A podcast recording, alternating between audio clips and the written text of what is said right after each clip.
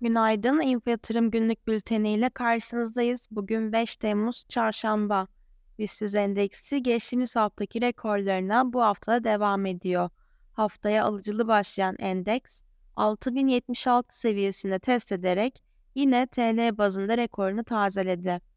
Gün sonuna doğru gelen satışlarla günlü yatay tamamlarken Merkez Bankası tarafından yapılan rasyonel açıklamalar ve atılan adımlar endeksi desteklemeye devam ediyor.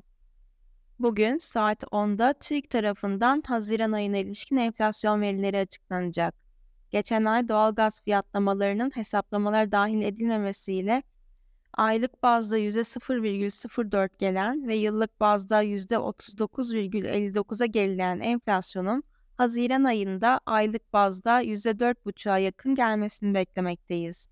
Bu durumda da geçen yılın aynı döneminde %4,95 gelen Haziran ayı enflasyonunun beklentilere paralel gelme durumundaysa kısmi de olsa baz etkisi kaynaklı olarak yıllık bazda gerileyeceğini öngörüyoruz.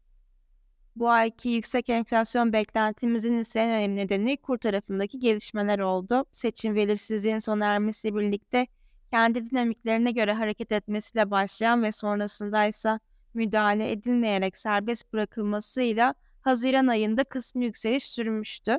Merkez Bankası'nın beklenti altı faiz artımı ile birlikte TCMB Başkanı Hafize Gaye Erkan ise e, kuru baskılamak için rezerv satışı yapılmayacağını söylemişti.